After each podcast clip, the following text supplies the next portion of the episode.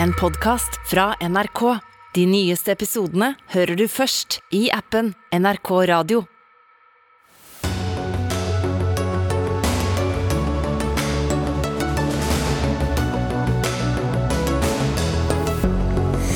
For dårlig forberedt, ikke godt nok gjennomført og møtte ikke egne målsettinger. Solberg-regjeringen får kritikk for koronahåndteringen i ny rapport, men helt enig i den kritikken er den tidligere statsministeren ikke.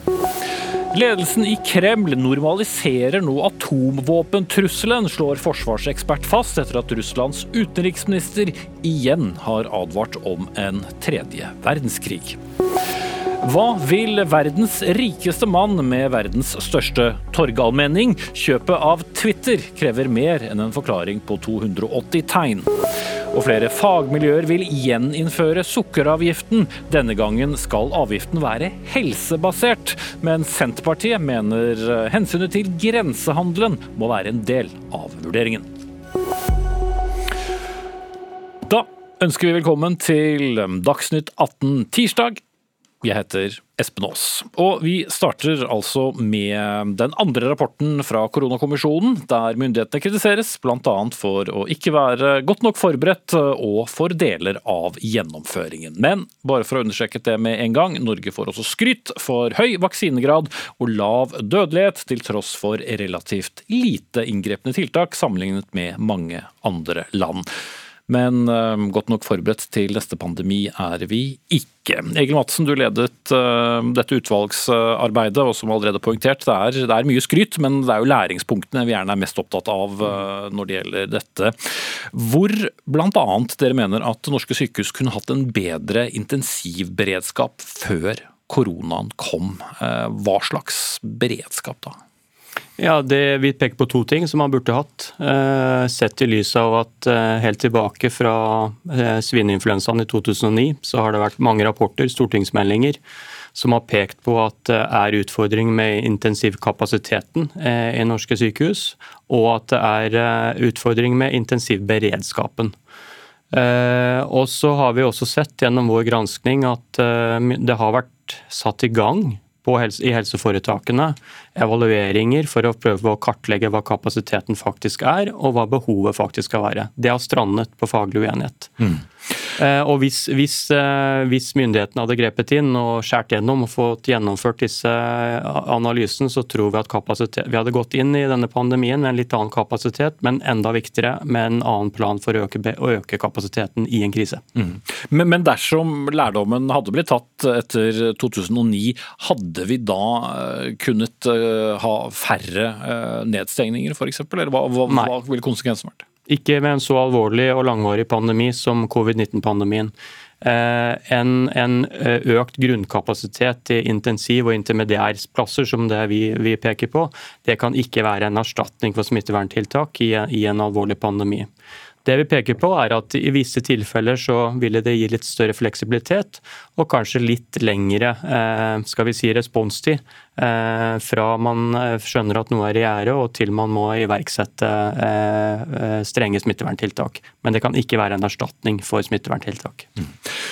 La oss gå over til vaksinering. Eh, da du la frem rapporten på pressekonferansen i dag, så pekte du på at det burde vært en større skjevfordeling av vaksiner. Altså Det burde vært flere vaksiner bl.a. i hovedstaden og i Viken, som var de områdene hvor smitten var størst. Mm.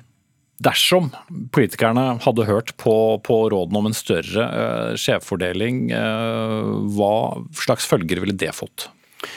Ja, her må jeg få lov til å si for det første at også eh, den, i, i, det store bildet så er vaksinasjonsstrategien i Norge også vellykket. Vi har høy vaksinasjonsgrad, eh, vi har lite polarisering i et internasjonalt perspektiv om, om vaksinasjon, og, og tilliten til myndighetene er bevart.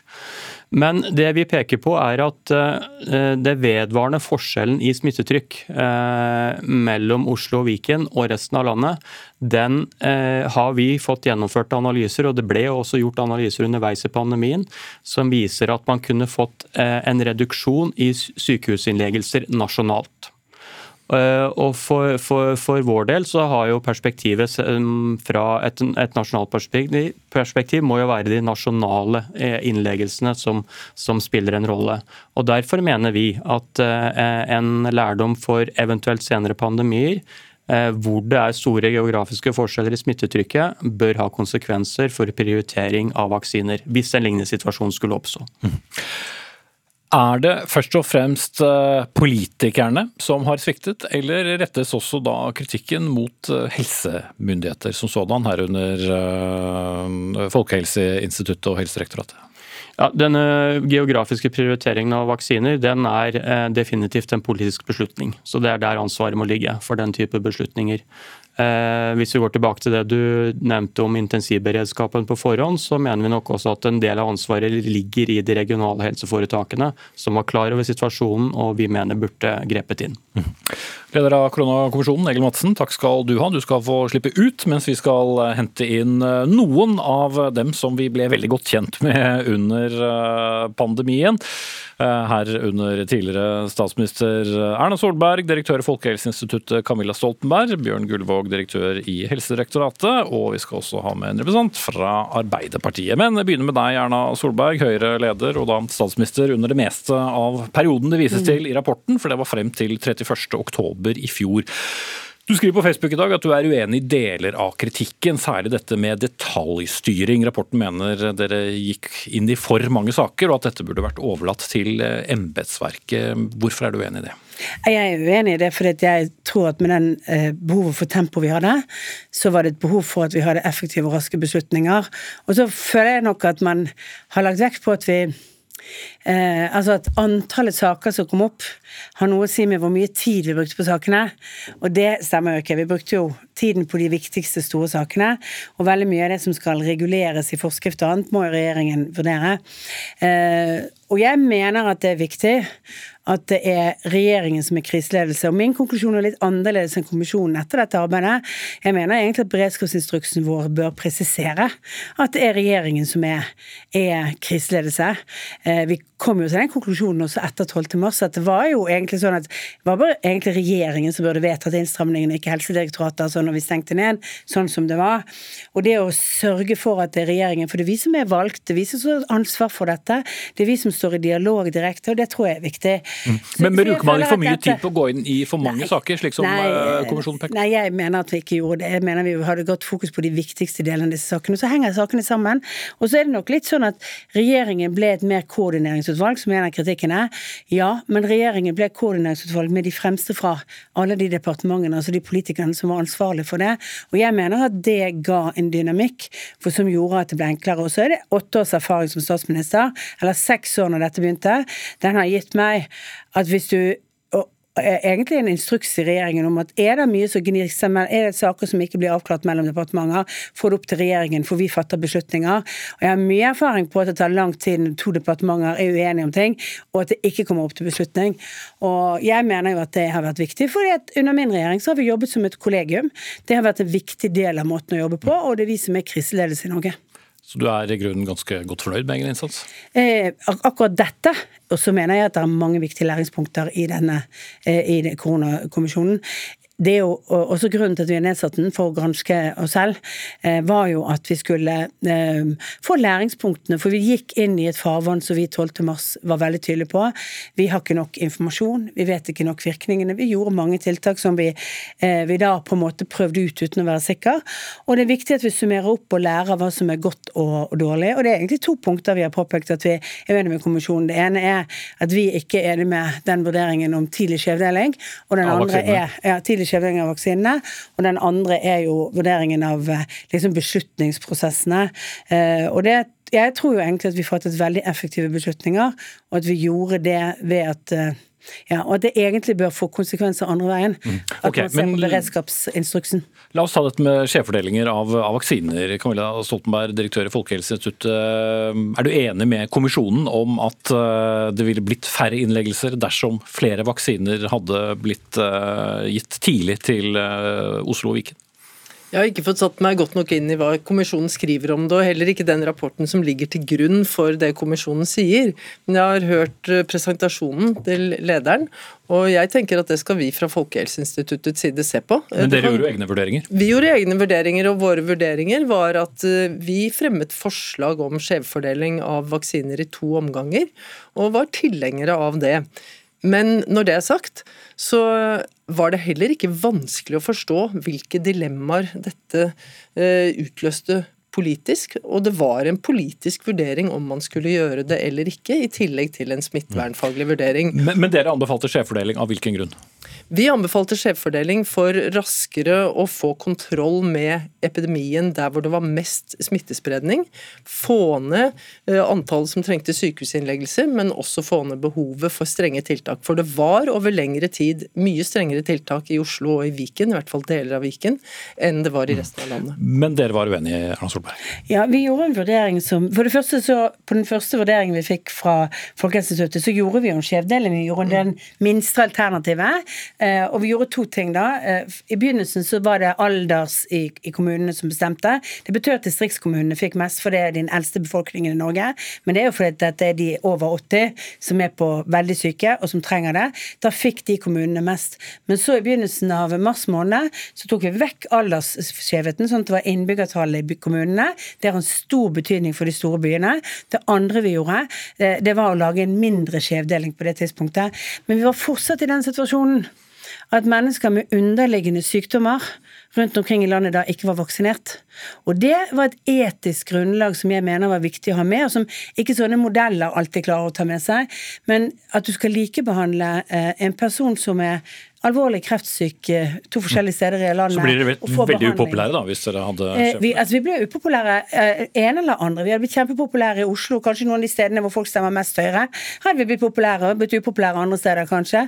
Vi, eh, vi gjorde jo en skjevdeling etter hvert, og da fikk vi et, en, en, et utbrudd i Tromsø mens den skjevdelingen pågikk, som vi hadde Tromsø-ordføreren stående på barrikaden og sa at det var helt feil med denne skjevdelingen, for å se hvordan det er. Hadde vi gjort det enda tidligere, så hadde vi truffet på enda flere av de Mm. Den typen tilfeller.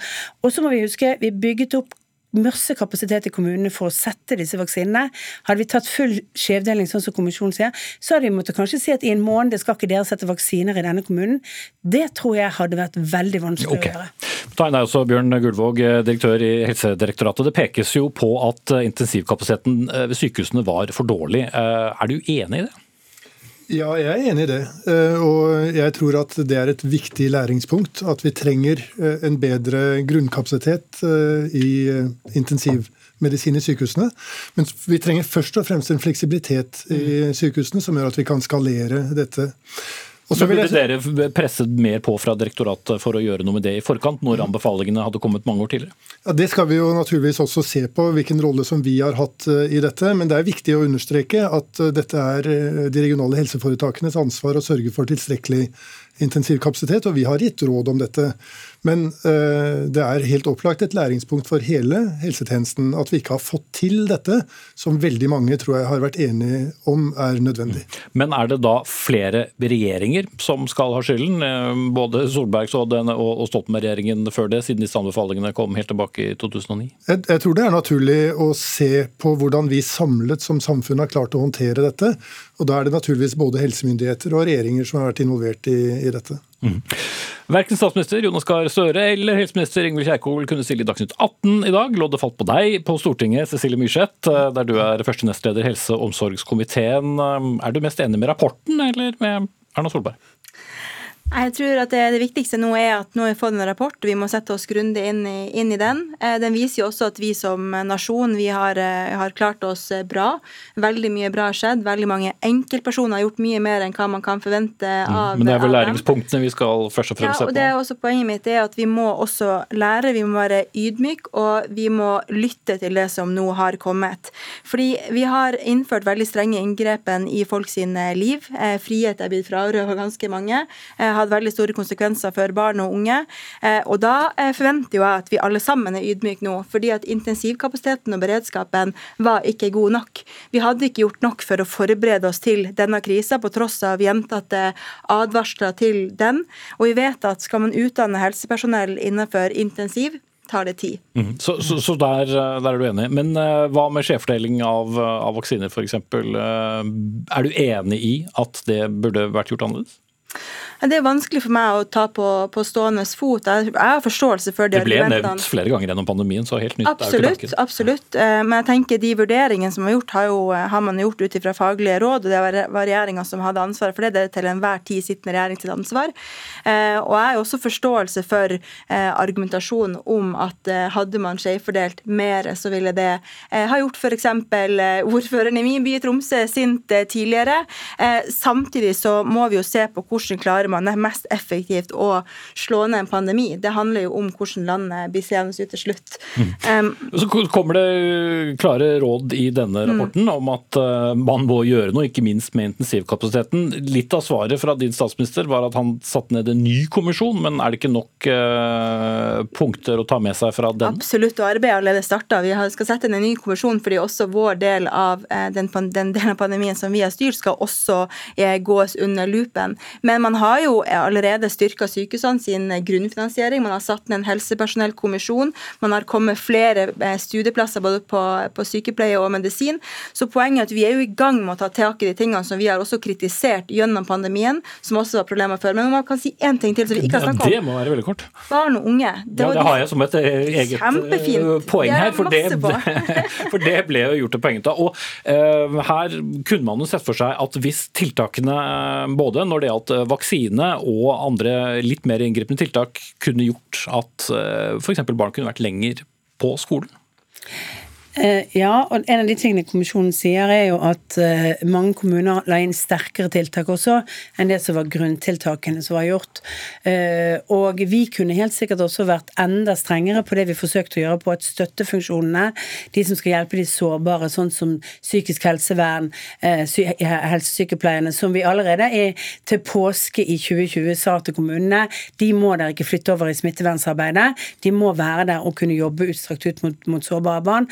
Det kunne vi ha vært enda strengere på, men det var rapportert kontinuerlig på disse tingene. Understreket kontinuerlig på det. Men hvis jeg får lov å si én ting om intensivkapasitet Kan vi ikke Eh, gjøre jo, ferdig bare barn, barn og unge? Vi har et par minutter igjen ennå. Mm. Eh, Burde dere gitt andre råd eh, når det gjaldt barn og unge, Stoltenberg? Når det gjaldt barn og unge, så var vårt fremste råd hele tiden at man skulle gjøre det som var mulig for å holde skoler og barnehager åpne. Og Men vi gjorde vi det? Eh, ikke hele veien, eh, men det var det mange ulike grunner til. Men eh, det mener jeg at vi kanskje kunne fått til Mm. enda bedre, hvis vi hadde greid å få enda mer ubestridt kunnskap om at det er ikke farlig for barn og unge å bli smittet. Og det har ikke vært under denne Ja, jeg tror Et av de aller viktigste læringspunktene det er at barn og unge må inn i alle beredskapsplaner. I absolutt alle kriser så vil også barn og unge rammes. og i for Så det forsto vi for sent. Det forsto vi for sent, og det trenger vi virkelig å jobbe inn eh, nå. Jeg tror nok at Forståelsen var naturligvis der at vi skulle ta oss av barn og unge, men det å virkelig ha planlagt for hvordan det skulle gjøres, det var jo ikke på plass da eh, pandemien kom. Eh, Og Derfor så måtte vi sette i gang veldig mye arbeid som var veldig verdifullt, og som vi nå kan lære av å, å ta videre. Ja, En av de tingene som jo også kommer frem, er at man burde ha gitt eh, vaksine til eh, lærere og barnehagelærere mye tidligere. Eh, Det mente jo også Arbeiderpartiet at man burde ha gjort. Um, eh, Og det tror jeg jo man skal ta med seg. I tillegg eh, så tenker jeg at jeg er enda veldig bekymra for barn og unge. Når du ser psykisk helsevern, behovene der i dag, de er enorme. Og, konsekvensene av pand- pandemien kommer vi til å se veldig lang tid fremover. Eh, Og den kapasiteten for barn og unge når det kommer til særlig lavterskel psykisk helsevern, har vært for dårlig over lang tid, også før pandemien. Men nå kommer man til å se store konsekvenser, og her må vi faktisk bare brette opp ermene alle sammen. Mm. Ja. Jeg, altså hvis jeg får lov å gå tilbake til, til intensivkapasiteten. Jeg tror veldig viktig det kommisjonen sier. Punkt én, det ville ikke vært mindre smitteverntiltak av at vi hadde et bedre intensiv, men kanskje litt bedre tid på noen prosesser. For det var jo bekymring for om vi hadde nok sengeplasser hele veien. Ja, ja, det var det, men, men poenget er at de sier at det ville ikke tatt vekk behovet for smitteverntiltakene, eller i noe særlig, eh, altså større grad. Det andre de sier, det er jo at de søker etter mer fleksibilitet. Og det tror jeg er noe av det aller viktigste vi tenker på nå. Vi kan ikke ha masse plasser stående til tilfelle vi har behov for det, med godt kvalifiserte folk. Vi må ha, vi må ha en fleksibilitet. Og noe av det første vi gjorde når pandemien skjedde, var jo at 3100 eh, eh, ansatte i helseforetakene ble opplært i å kunne være på intensivavdeling i tilfelle det vokste videre. Okay. Og vi må jobbe med den typen modeller, og det syns jeg er en viktig læringspunkt fra kommisjonen. For det de påpeker er at den debatten som da har stått litt vanskelig i helseforetakene, det er mellom intensivplasser og intermediærplasser, altså de som ikke er så intensive, og hvordan kan du få personell til å fungere sånn at du kan ha en større pool, sånn at du kan kraftsamle når det er det. Og det tror jeg er et stikkord fremover i all beredskapsplanlegging i Notert. Norge. Bare for Myrseth å svare på så ett siste spørsmål til deg. Ja, fordi at på intensivkapasitet, Vi må også få med, og ta med oss, Det handler ikke bare om pandemi som gjør at vi har behov for å øke intensivkapasiteten. Vi får en aldrende befolkning, mye mer, som kommer til å leve mye lenger med mer komplekse sykdomsbilder. Så vi må øke intensivkapasiteten uavhengig av dette, og det har vi visst hele tida. Du kan få lov å svare kort på det siste hvis du vil, Erna Solberg. Til de som sier eh, burde du ikke vært mer ydmyk til kritikken som kommer i rapporten, i stedet for å forsvare det dere gjorde såpass mye? Eh, Jeg har sagt også alt det jeg er enig om i dag. Det er alltid det jeg sier at jeg er uenig om som får mest spalteplass, eh, fordi det er der uenigheten er. Men det er mange ting jeg mener vi skal være både ydmyke, og det har vi vært hele tiden, og at vi skal lære av de tingene. Men jeg tillater meg òg å være uenig der jeg faktisk mener at de valgene vi gjorde, basert på den informasjonen vi hadde, var de riktige valgene sånn som det var for oss.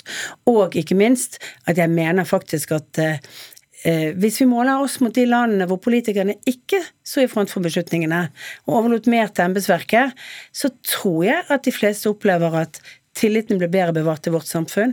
Hen, vi, vi klarte å følge opp på en bedre måte. Og så ser vi litt utenfor landets grenser, så tror jeg vi ser at akkurat det tror jeg er Altså, folk liker å holde ansvarlig de de har valgt, eh, og ikke Selv om de er flinke folk, så mener jeg faktisk at eh, vi, eh, når vi skal gjøre så inngripende ting som okay. vi gjør i en pandemi, så er det vi som må ta ansvar for det. Til Erna Solberg, Høyre-leder, tidligere statsminister. Takk også til Camille Stoltenberg fra FHI, Bjørn Gullvåg fra Helsedirektoratet og Cecilie Myrseth, eh, første nestleder av helsekomiteen på Stortinget fra Arbeiderpartiet. Så skal jeg bare kort fortelle hva som skjer om drøye Eller mot slutten av sendingen. 20 ord om det, faktisk. For Helsetilsynet har aldri før avdekket flere lovbrudd blant barnevernstjenestene. Nå ber SOS Barnebyer staten om å ta kontroll der barnevernet svikter.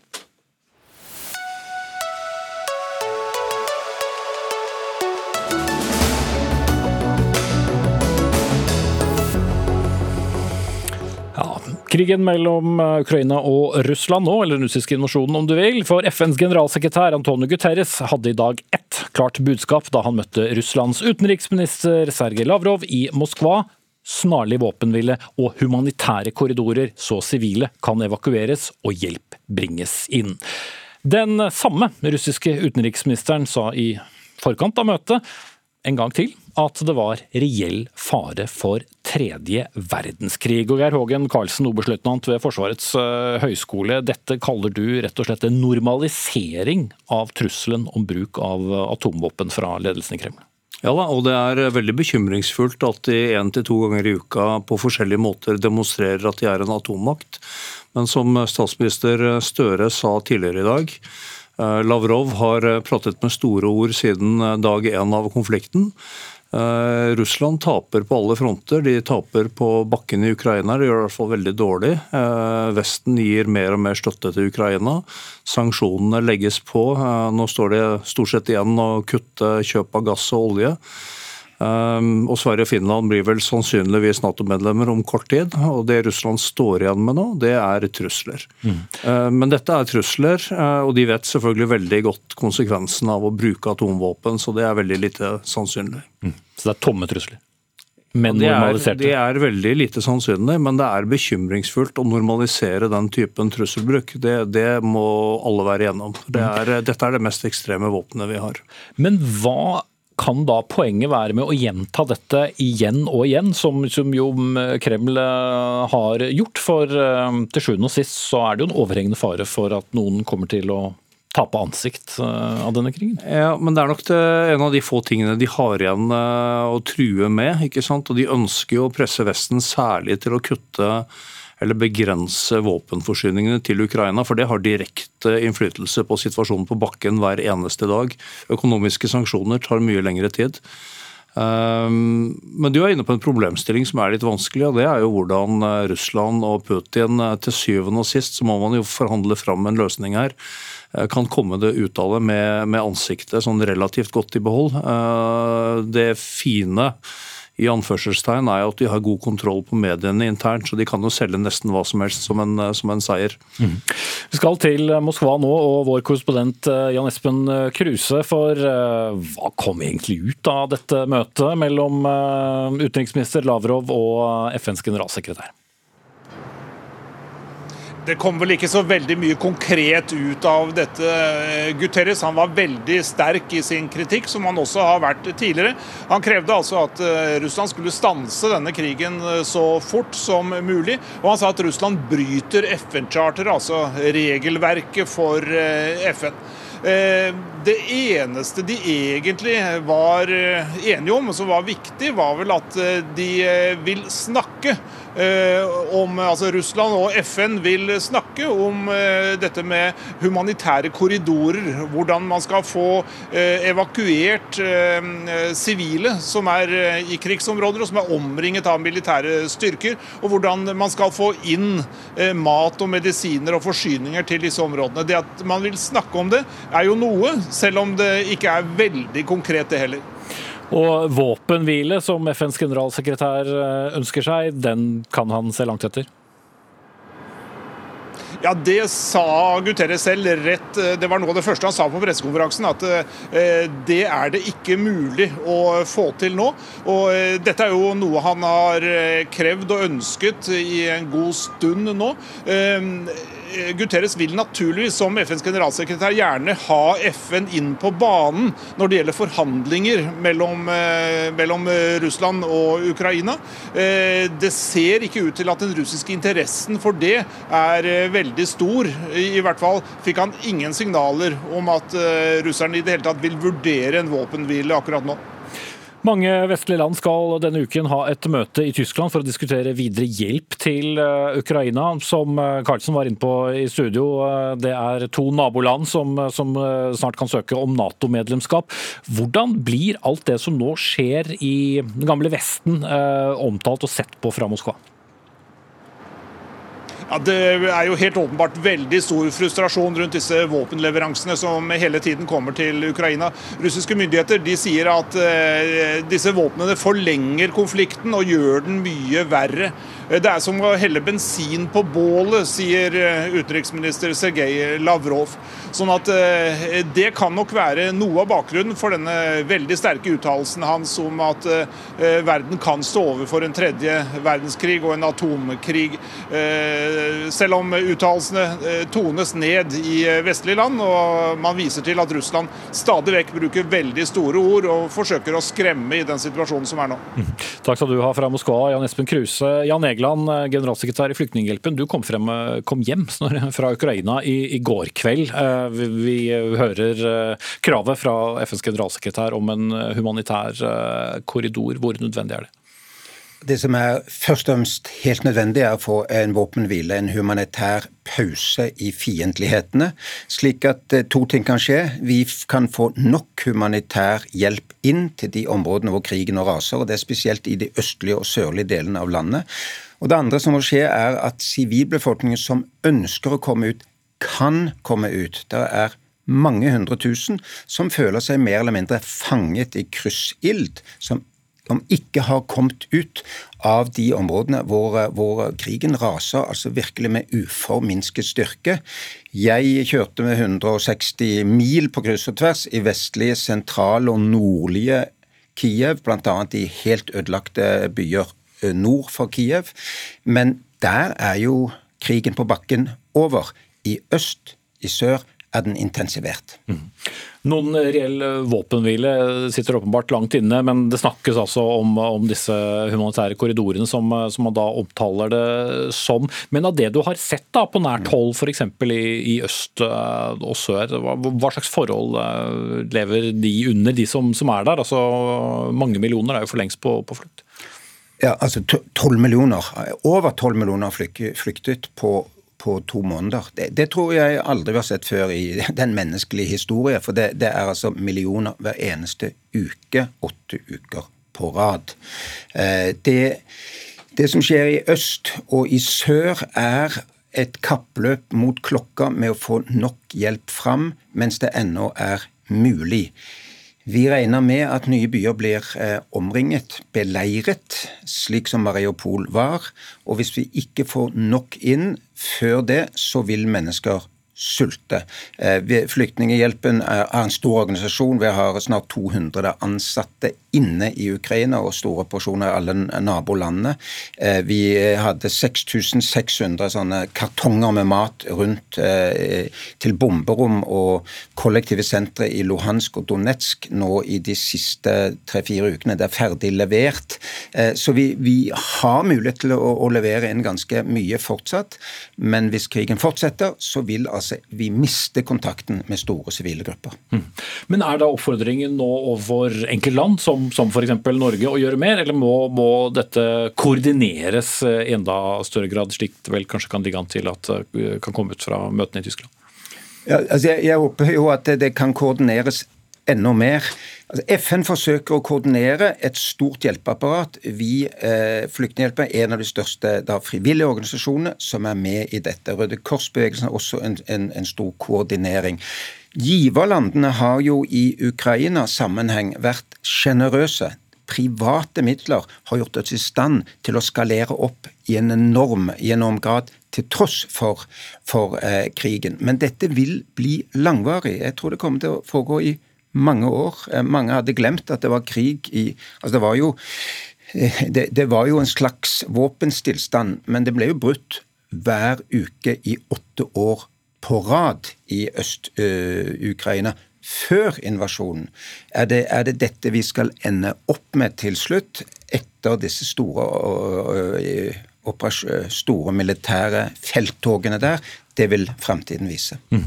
Geir Karlsen, hvis vi går tilbake til det til militæret, og, mange driver jo stadig og, og, peker på denne nært forestående datoen i, i mai, som, som, som Russlands president åpenbart skal være mest opptatt av. Er det noe som tyder på at eh, det vil være nye store operasjoner på vei fra russerne? Altså, de har satt i gang store operasjoner og beskutt med mye artilleri og flyangrep nå i en, snart en uke. Og de har begynt operasjonene på bakken på en lang rekke steder. Eh, men de har ikke klart å rykke veldig langt fram. De har liksom tatt en, et antall landsbyer, men dette er et veldig stort område med veldig mye folk. Og så har de blitt slått tilbake av ukrainerne en god del steder.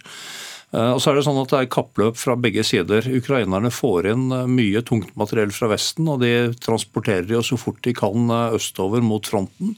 Samtidig som Russland prøver å mobilisere så mye de kan. Men så lenge de ikke bruker lovene som, som de, krigslovene for å mobilisere eh, vernepliktige og andre som har vært i militærtjeneste før, men kaller det en spesialoperasjon, sånn mer sånn sikkerhetsaktivitet, så, så, er det begrenset hva de klarer å få inn.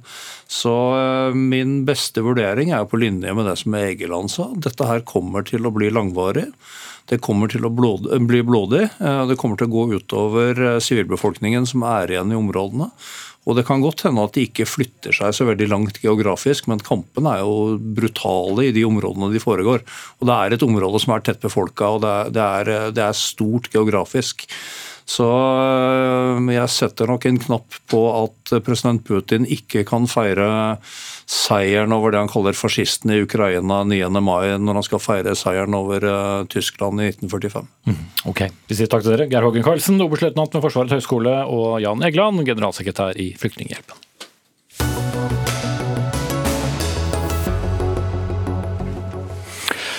Han ble verdens rikeste på papiret da hans elbiler ble allemannseie. Han kom på kant med mange da han spredte feilinformasjon under koronapandemien, og da han kalte en britisk dykker som reddet innesperrede barn i en gruve i Thailand for pedofil. Og nå har han overrasket mange ved å slenge 44 milliarder dollar på bordet og kjøpt det noen kaller verdens største torgallmenning, mikrobloggertjenesten Twitter. Vi snakker om Tesla-grunnlegger Elon Musk, som nå er ene netteier, der meninger på opptil 280 tegn daglig sprer glede og frustrasjon. Men hva vil han med det, mon tro?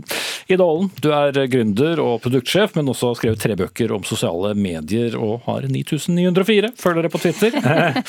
Hva er det Elon Musk med sine 85,2 millioner følgere for øvrig driver med når han eh, bruker så store summer og kjøper Twitter? En av de morsomme tingene er at det er veldig vanskelig å vite hva han egentlig driver med. Eh, og det er fordi at han er en fyr som liker veldig godt å leke og tulle med offentligheten. Eh, han tvitrer veldig mye, han uttaler seg mange ting, og man vet aldri helt om han er eh, seriøs, om det er en løs tanke, eller om det er bare tøys. Men det han i hvert fall har vært veldig tydelig på, er at han ikke kjøper Twitter fordi han har tenkt å tjene penger på det. Han har kjøpt det fordi han mener at det er viktig som en del av offentligheten og ytringsklimaet. Mm. Men han er jo selv en, en ganske mm, uforutsigbar uh, kar, og, og, Twitter har jo vokst mye, vet alle som uh, har tviholdt på denne tjenesten i de årene den har uh, eksistert. Hva, hva, kan han forandre på? Ja, og En av de tingene som litt overraskende er en av de store utfordringene hans, er at det er veldig stor konkurranse om Eh, dyktige teknologer. Eh, Twitter må som arbeidsgiver konkurrere med f.eks. Google og Amazon og Facebook. Så en av de største spørsmålene er jo egentlig, selv om eh, Twitter, Musk har sine ambisjoner for hva han ønsker å gjøre, kommer de som jobber i Twitter til å fortsette å lyse å jobbe der med Eh, Musk som sjef eller som eier. Og da spiller det ikke noen rolle egentlig hva slags visjoner Musk har, hvis det er ingen som sitter klare til faktisk utføre det i praksis, for det er jo veldig komplekst. Det er jo ikke slik at Elon Musk har tenkt å sitte selv og kode eh, denne funksjonaliteten. Nei, og dette handler om mange ting. Algoritmene som eh, er på, på Twitter, skal det være reklamefinansiert som i dag? Skal man gjøre mer eller mindre for å stoppe anonyme kontoer, spredning av falske nyheter osv.? Ja, øh, og øh, nå mista jeg tråden, må jeg si. Ja. Det som lå under som et spørsmål egentlig, Nei. det var det. Jeg tror det var derfor jeg får skylde på deg. Programleder tar selvkritikk. Eh, men vet vi hva han vil gjøre med så store spørsmål? Så har han sendt noen klare signaler? Ja, Han er veldig tydelig på at han ønsker mye mindre moderering. Og hvis man ser på hans egen måte å tvitre på, som du nevnte i innledningen, så er han jo ganske sleivete selv. Han mente, mener at det meste burde være lov, så lenge det er lovlig men det er jo ganske mange store spørsmål her. For så er jo ikke pornografi er jo ikke ulovlig i USA, det. Så ønsker han da f.eks. at det skal være pornografi. Og hvis det f.eks. da er pornografi på, i feeden din på Twitter, ønsker da like mange å bruke det? Og hvis ikke like mange ønsker å bruke det, syns da Musk det er like gøy å være sjef for Twitter? Så det er en del av de tingene er jo at og grunnen til at disse selskapene har investert i mer moderering, er jo ikke egentlig pga. lover, men fordi de ser at folk gidder ikke å være på et sted hvor det er veldig mye trakassering eller veldig mye kjeft eller veldig mye spam og de tingene. Eh, så spørsmålet er jo liksom, ja, han har disse visjonene, men hva skjer i praksis når han prøver å nå dem? Det gjenstår jo å se, da. Mm. Noen har eh, konkludert litt tidlig, skal vi si det sånn. Edel Marie Haukland, teologistudent, tidligere KrFU-leder. 2831 følgere på Twitter. Etter ti år har du bestemt deg for å slette din Twitter-bruker etter denne nyheten. Hvorfor det? Det har vært ti veldig gøye år, men det er ikke, si, det er ikke bare Musk som gjør at eh, jeg har kommet til denne konklusjonen. Jeg meldte meg av Facebook og Instagram i januar. Og mye av det er jo at jeg ikke har tillit til folkene som står bak. Eh, jeg syns at eh, det er litt skummelt at det finnes eh, selskaper som vet mer om meg enn jeg gjør sjøl, og som har algoritmer som er med å påvirke egentlig hvem jeg er. Um, og så syns jeg det er skikkelig problematisk at sånne store selskaper har så mye innflytelse, ikke bare på enkeltpersonen, men også på samfunnet. Jeg, jeg syns at det er en ordentlig trussel mot demokratiet at vi har, ja, at uh, vi har selskaper som kan gå inn og ja, tukle med de demokratiske demokratiene som vi er en del av. Mm. Mm. Men har det noe å si om du uh, sletter din konto? Nei. jeg holdt på å si sånn Utover at ikke du får Dagsnytt 18-kjøreplan? ja, den kommer jeg til å savne, Espen. Men først og fremst så er dette er dypt personlig. Det handler om min egen psykiske helse. Det handler om at jeg ønsker å finne ut hvem jeg er utafor algoritmene. Eh, men, men, men, men Musk utløste det på en måte? Ja, det var på en måte dråpen. Eh, det hadde sikkert gått eh, litt mer tid før jeg sletta Twitter, nettopp fordi at det er en plattform, og det er folk der som jeg er innmari glad i. Men eh, det var et spørsmål om tid. Mm. Man skulle tro at du som teologistudent kanskje ville vende det andre Twitter-kinnet til og latt han få en sjanse? Jo, men det, poenget mitt er jo at jeg har gjort det veldig lenge. Det her er jo ting som jeg har kjent på i mange år. Og så er det nesten litt sånn at jeg trengte tillatelse for å slette sosiale medier. Fordi eh, samfunnet vårt er ikke tilrettelagt for at du ikke er tilgjengelig, at du ikke kan få en invite bare på Facebook, at folk må sende deg en melding, og kanskje ikke på Messenger engang. Um, så, så jeg trengte Jeg bare sa til kjæresten min en uh, kveld at å, jeg har så lyst til å slette Facebook og Instagram nå. Og han var sånn Ja, men så gjør det. Og da gjorde jeg det med en gang. og nå aner du ikke hva folk spiser til middag. Nei, det er akkurat det. eh, veldig kort til slutt, Ida. Nå er det jo en eneeier. Tidligere har det vært flere aksjonærer som, eh, som har, uh, har, eid det. Men det er jo mange store eiere ellers i, av mediegiganter. Bør, bør man frykte et, et soloprosjekt på eiersiden? Til syvende og sist så er det jo det at eh, noen må jo også utøve de tingene som man ønsker å gjøre. Så det henger veldig mye sammen når man klarer å holde på de eh, ansatte. Og så er det også slik at eh, når man hører at han er verdens rikeste person, så er det lett å se for seg onkel Skrue i pengebingen, liksom. Men han har jo måttet ta opp masse lån for mm. å kunne kjøpe det. Så han er faktisk avhengig av at Twitter går noenlunde økonomisk bra, han også. Så det er på en måte litt trange rammer for hva han også kan finne på, hvis ikke han har lyst til å selge veldig mange av Tesla-aksjene sine, sine, som han neppe har lyst til. Iallfall er han blitt eh, eier av en rekke kontoer som både er vaksineeksperter, ytringsfrihetseksperter, militæreksperter og eksperter på Dagsnytt 18. Takk til Ida Aalen og Edel Marie Haukland.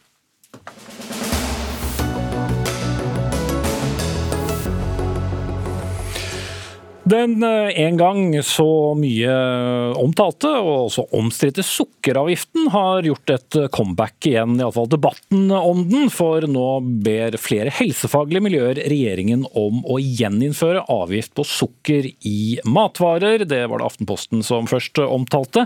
Da avgiften ble innført i sin tid, så var den først og fremst fiskal, altså for å tilføre eh, inntekter til staten. Men fagmiljøene ber nå om at avgiften skal ha et klart folkehelseformål. En av dem som støtter dem er Nasjonalforeningen for folkehelsen, hvor du er generalsekretær Mina Gerhardsen. Det har ikke gått et år siden eh, to av tre sukkeravgifter ble, ble avskaffet eh, etter mye bråk. Hvorfor skal det være annerledes nå? Vi vet jo at sukker bidrar til overvekt og fedme. Sju av ti nordmenn har overvekt og fedme, noe som øker risiko for alvorlig sykdom som kreft og diabetes og hjerte-kar. Og så er jo ekspertisen veldig klar, enten vi snakker om norske forskere eller Verdens helseorganisasjon, på at det mest effektive virkemidlet vi har eh, for å påvirke til gode helsevalg, det er å bruke avgifter. Derfor blei det jo et bokstavelig talt opprør da den forrige regjeringa fjernet denne avgiften, fordi vi opplevde at man ga fra seg et av de mest virkningsfulle virkemidlene vi har. Og Derfor så har vi jo nå et veldig stort håp om at regjeringen skal lytte til faglig råd og gjeninnføre en smart avgift som hjelper folk å ta vare på helsa si og ta gode helsevalg. Mm. Mannen som er eh, ansvarlig for eh, fiskale avgifter, eh, hadde ikke anledning til å stille. altså Trygve Slagsvold Vedum, men Geir Pollestad, du er stortingsrepresentant for hans parti, Senterpartiet, og medlem av finanskomiteen på, på Stortinget. Med det Mina Gertsen viser til her, og når vi vet at sju av ti nordmenn sliter med fedme og overvekt, så er vel dette en enkel løsning? Vi ønsker jo tiltak som reduserer sukkerforbruket, det er det ingen tvil om. Eh, og så har vi jo invitert og spurt hva mener eh, folk, så vi skal jo lytte. Eh, mm. Samtidig er vi opptatt av det som går på arbeidsplasser og grensehandel. Vi vet at veldig mange av disse varene er knytta til varer som en reiser til utlandet for å kjøpe. Og det er jo sånn at sukker, enten det er kjøpt i i Sverige eller i Norge har eh, samme helsemessige effekten. Så vi er jo òg bekymra hva sukkeravgiften vil bety eh, for arbeidsplasser i Norge. For under pandemien så har vi sett hvor enormt stor eh, grensehandel til Sverige har vært, og den ønsker vi å eh, få ned. Men det som er helt sikkert, det er at den sukkeravgiften som er fjerna og som er vekke, den vil aldri komme igjen. Og det oppfatter jeg heller ikke at eh, dere ønsker, men at dere ønsker en ny type avgift. Mm. Ja, vi vil ha smartere avgifter, rett og slett som gjør det sunne billigere og det usunne dyrere. Og jeg er veldig glad for at du sier at du vil høre på folk, fordi vi har spurt folk. Eh, og 80% sier at de støtter innføringen av den type avgifter. Så her har vi jo folket med oss. Og så har jeg lyst til å si to ting når du snakker om grensehandel, eh, for her er jo nordmenn litt spesielle. Vi handler jo mye mer og oftere enn mange andre. Eh, vi er i butikken støtt og stadig. Og de går jo ikke til Sverige. Den vanlige handleturen er til nærbutikken. Og når vi gjør det godteriet og sukkerbrusen billigere, så blir det flere usunne handleturer. Så skjønner jeg bekymringen for grensehandel. Men hvis man ønsker å gjøre noe der, så hadde det vært fint om man kunne gjøre noe som ikke gikk på bekostning av helsa vår. F.eks. å kutte alkoholkvota. Eh, da vil det nok bli mindre attraktivt å ta den bilturen til Sverige òg.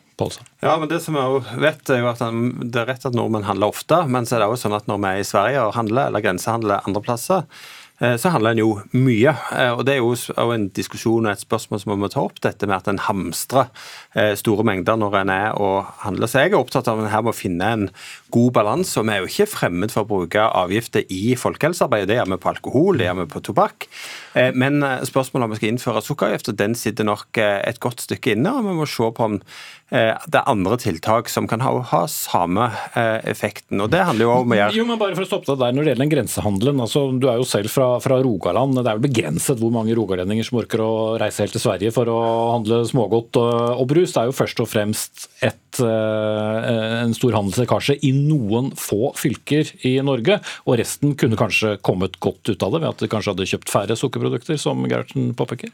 Nordmenn flest er jo dessverre ikke rogalendinger, eh, så veldig mange bor jo langs eh, grensa. Og det, det er en betydelig omfang. Det er tusenvis av arbeidsplasser det er snakk om i Norge, og milliarder av kroner i omsetning som går ut av landet vårt. Så betydningen for, for grensehandelen eh, og for verdiskaping i Norge av grensehandel er betydelig. Så vi skal greie å både diskutere det som gjelder folkehelse, vi ønsker å ha en sunnere befolkning og ønsker å gå over fra mer at vi forebygger sykdom i plassen for å reparere. Det er liksom en politikk. Men så må vi òg greie å balansere det opp mot hensynet til til næringslivet. Det er det, akkurat det helseministeren òg i sitt uh, høringsspill inviterer til. og Så har dere gitt dere synspunkt, og så skal vi ha en uh, åpen diskusjon om det. Mm. Og Det er jo helt reelt at grensehandelen gikk jo opp på sukkerprodukter da den uh, avgiften var her. Gerhardsen, hvorfor skal ikke det samme skje igjen? Det er en reell problemstilling, åpenbart, men jeg håper at vi kan finne løsninger der vi ikke setter arbeid opp mot helse. For det at vi har noen store folkehelseutfordringer i Norge, bl.a. at vi er en del av en eh, internasjonal trend med økende vekt eh, som er skadelig for helsa vår, gir økt risiko. De har jo også en stor kostnadsside, hvis vi skal begynne mm -hmm. på, regnestykkene. Så klart at det er mange milliarder som går med til unødvendig sykdom, som følger av at eh, folk har levevaner hvor det bl.a. er for mye sukker. Så vi skal se på mange tiltak. Vi bør gjøre noe med reklamereglene, vi bør gjøre noe med plassering i butikken. Men når ekspertene er så klare på at det som virker best, er å bruke avgiftene og få det sunne billigere og det usunne dyrere, så bør man lytte til det. Mm. Og Det er mange organisasjoner som da peker på det samme som, som Gerhardsen, så hvis du avslutningsvis kan si når de får et slags svar?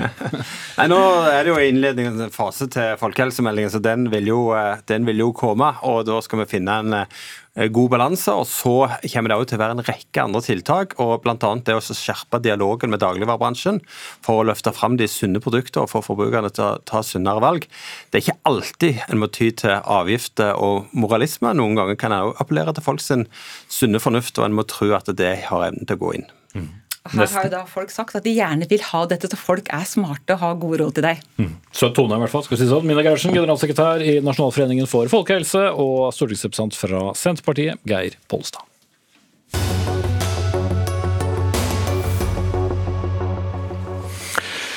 Staten må komme sterkere på banen overfor kommuner som ikke leverer godt nok på barnevern. Ja, Det krever SOS Barnebyer etter flere avsløringer om mange lovbrudd i norske barnevernstjenester. Helsetilsynet, som førte tilsynet, har aldri før sett en så høy andel lovbrudd i sine landsomfattende tilsyn. Lovbruddene gikk bl.a. På, på, på mangel på barns medvirkning, og flere undersøkelser blir liggende i flere uker før det blir gjort noe med dem.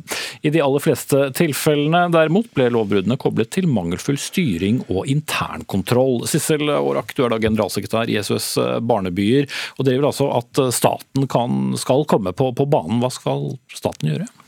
Staten skal jo ta ansvar, de har jo ansvaret, men de skal ta ansvaret der hvor kommunene svikter. Og det den rapporten viser nå fra Helsetilsynet, er jo at mange kommuner svikter gang på gang. Mm. Og, men skal du da ha et eget statlig organ, en slags vaktbikkje? Hvordan skal det fungere? Ja, det vil man jo kunne ha.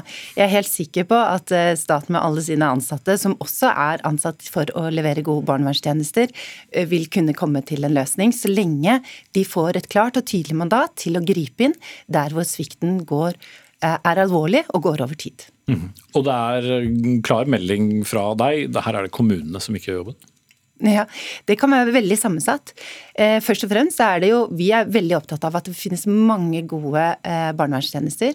Det finnes også, Vi er i tett dialog med mange barnevernsledere som også sier og uttrykker bekymring for at ikke de klarer å levere de tjenestene de vet jeg har et ansvar for å levere. Og årsaken til det er sammensatt. Men selv om vi har sammensatte problemer, så må vi kunne klare å plassere et ansvar, sånn at noen tar tak i de problemene. For det vi ser, det er jo at barn sviktes hver dag, over tid, og barndommer går tapt. Mm. Jo, men bare for å oppsummere det du har sagt, da, altså Når du peker på at her må staten ta ansvar, så forteller jo den historien at kommunen ikke tar det ansvaret. og Derfor har du invitert Helge Eide, områdedirektør for samfunn, velferd og demokrati i kommunesektorens organisasjon KS. da. 47 av 52 kommunale barnevernstjenester som ble ført tilsyn med, brøt altså loven på forskjellige vis. Da må kanskje noen andre passe på? Det Den undersøkelsen viser at eh, det er fortsatt veldig mye som vi må gjøre for å styrke barnevernstjenesten her eh, i landet. Jeg tror ikke det er noen uenighet mellom oss og SOS Barnebyer eller regjeringen for den saks skyld om, eh, om, akkurat det. Spørsmålet er jo mer hvilke tiltak er det som gir mest effekt for å styrke barnevernstjenesten. Og Vi tror jo ikke at noen store dramatiske organisasjonsforandringer eller ansvarsflyttinger vil løse noe som helst problem. Vi tror mer at det skaper problemer som utgangspunktet da ikke er der. Det som må til, det er jo satsing videre på kompetansebygging, på forsterket ledelse, på, på, utvikling av ledere, både faglig og, eh, og, politisk, og beslutningsstøttesystemer. Og la meg si sånn, Vi eh, eh, er veldig enig i at staten også skal og må være på banen sammen med kommunene. For det er jo samspillet mellom den statlige støtten og tjenesten lokalt som, som, som skaper resultater. Men, men du vil ikke ha noen vaktbikkje som overstyrer kommunene, eller? Ja, nå er jo det sånn at uh, Helsetilsynet fører jo tilsyn med kommunene. så Sånn sett er jo en vaktbikkjeordning på plass allerede gjennom tilsynsordningen. Jo, men Det avdekker jo først og fremst av lovbrudd igjen og igjen, ja. uten at det ser ut til at det skjer så mye. Og så, uh, så når, det, når, det, skjer, og vi er jo selvfølgelig helt enig i at det at uh, undersøkelser blir liggende for lenge før de blir satt i gang, det er uakseptabelt. At ikke det er en god nok plan, god nok medvirkning, er heller ikke på ingen måte greit. Det, det er meget ugreit. Mm. Men, men løsningen er vel ikke at kommunen fortsetter å ha ansvaret for noe de da gjentatte ganger ikke ikke klarer å følge opp? For, for, meg virker det ganske fornuftig prinsipp at de som sitter nærmest barna, som har ansvar for tjenestene, også sitter med ansvaret for å gi de tjenestene. Og det, det vi må huske på, er jo at De gjør jo det i dag, hvordan syns du det har gått? Disse barna har også, eller disse eh, barna mottar jo også andre tjenester fra kommunene som er helt nødvendige for å, få et godt, eh, godt, liv og et godt tjeneste. Det er snakk om skole, det er snakk om barnehage, det er snakk om helsestasjonstjeneste, skolehelsetjeneste, det er snakk om spesialpedagogiske tjenester tjenester. nei, nei det, er, det, er, poenget her at disse tjenestene de henger tett sammen. Så det å, å, splitte tjenester når det er et barn som har behov for et samlet tjenesteapparat, det tror vi er en, en veldig uh, ugrei løsning. Så i stedet for uh, å, å, begynne med det som vi da ikke tror har noen som helst positiv effekt ja, for, okay. for, barna, så er det viktig å styrke uh, tjenestene ikke sant? med, med ja, støttende strukturer. Det, Eide. Da får vi ta inn staten, da, eller regjeringen. Barne- og familieminister Kjersti Toppe fra, fra Senterpartiet. Skal staten nå være de som, som eh, griper inn, slik SOS Barnebyer mener?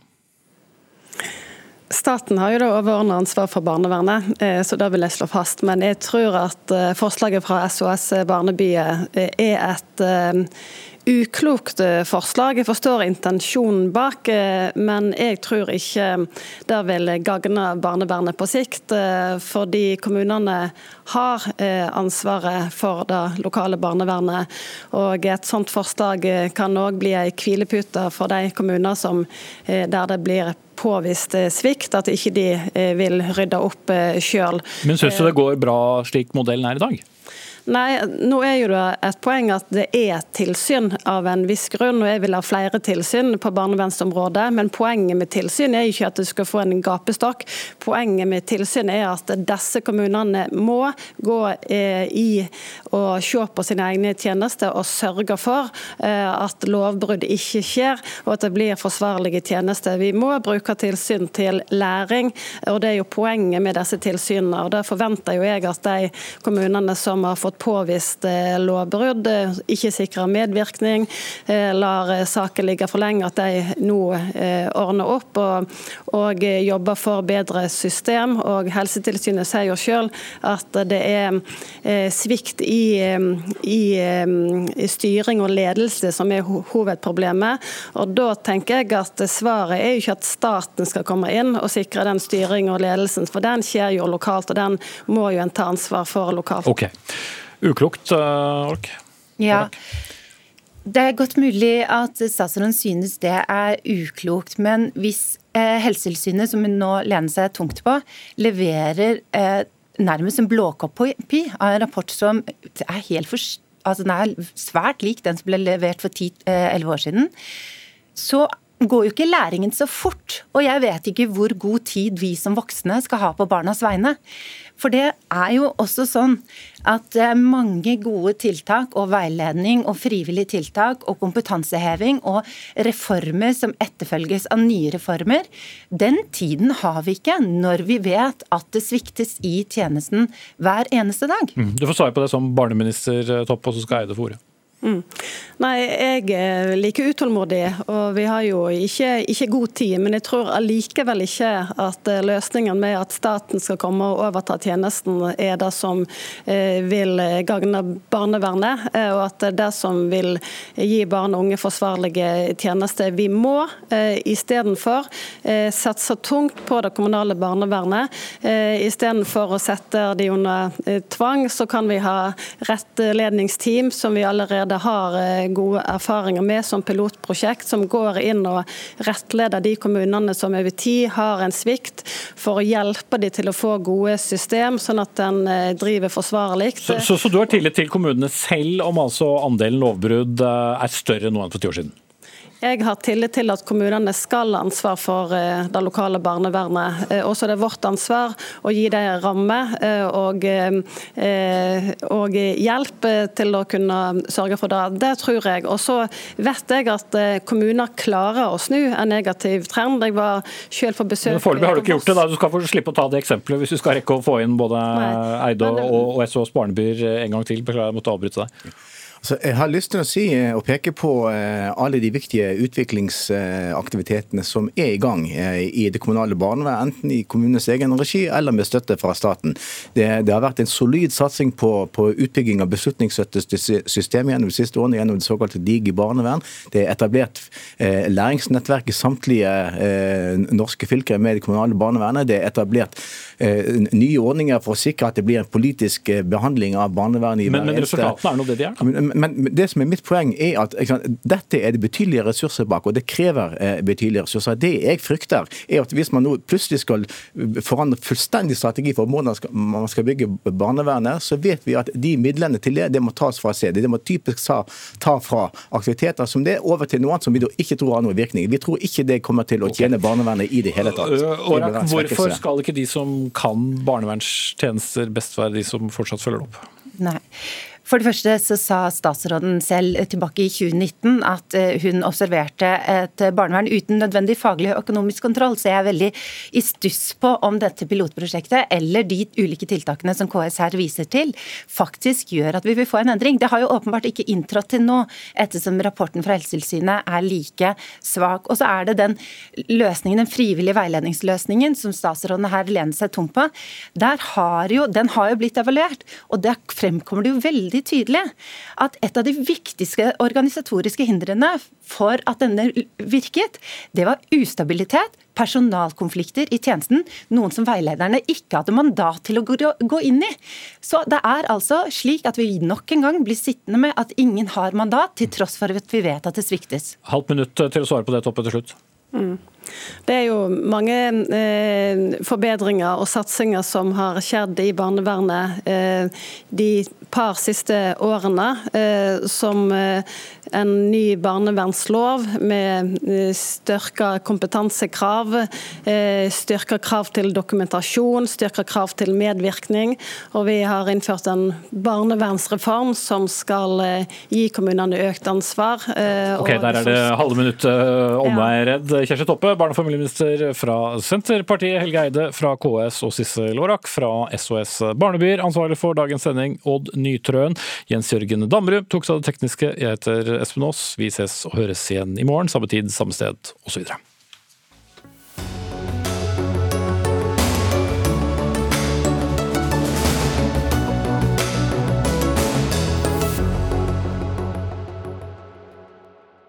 Du har hørt en podkast fra NRK. De nyeste episodene hører du først i appen NRK Radio.